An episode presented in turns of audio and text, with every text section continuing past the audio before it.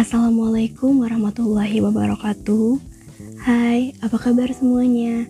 Kenalin, nama aku Nadia Salah satu mahasiswi yang sedang melaksanakan PPLK di Institut Teknologi Sumatera dari jurusan Teknik Biomedis dengan kelompok Yodonagra Di podcast kali ini aku bakal ngebahas My Future Plan.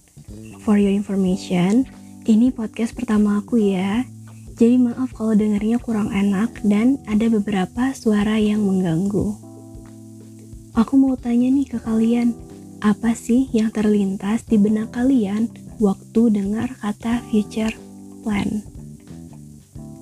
Mungkin ada beberapa yang udah tahu, ada juga yang belum kan? Jadi future plan itu usaha-usaha yang dilakukan untuk mewujudkan rencana hidup yang kita inginkan. Hmm, kalian udah punya planning belum buat ke depannya? Buat yang udah punya, semoga bisa terus konsisten ya ke depannya. Dan saran aku buat yang belum punya, coba cari dulu deh biar lebih tahu tujuan dan cita-citanya.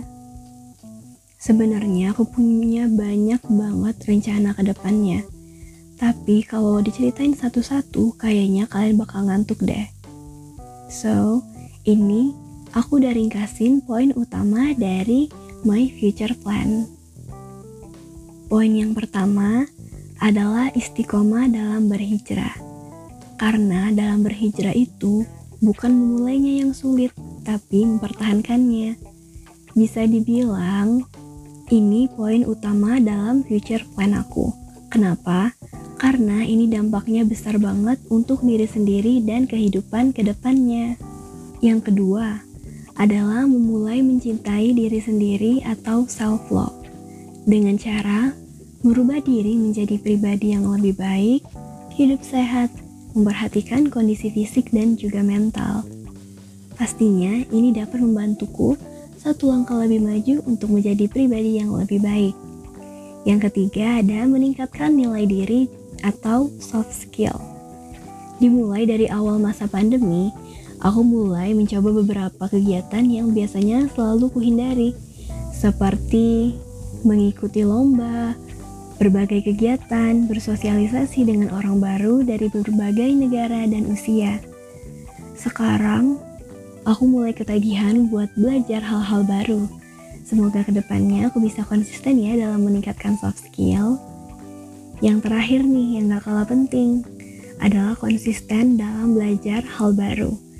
Biasanya aku punya berbagai goal setiap bulannya, tapi yang tercapai cuma setengahnya. Karena aku tipe orang yang gampang bosan, jadinya hanya separuh materi yang sempat kupelajari. Itu kebiasaan buruk yang ingin banget kuilangin dari dulu.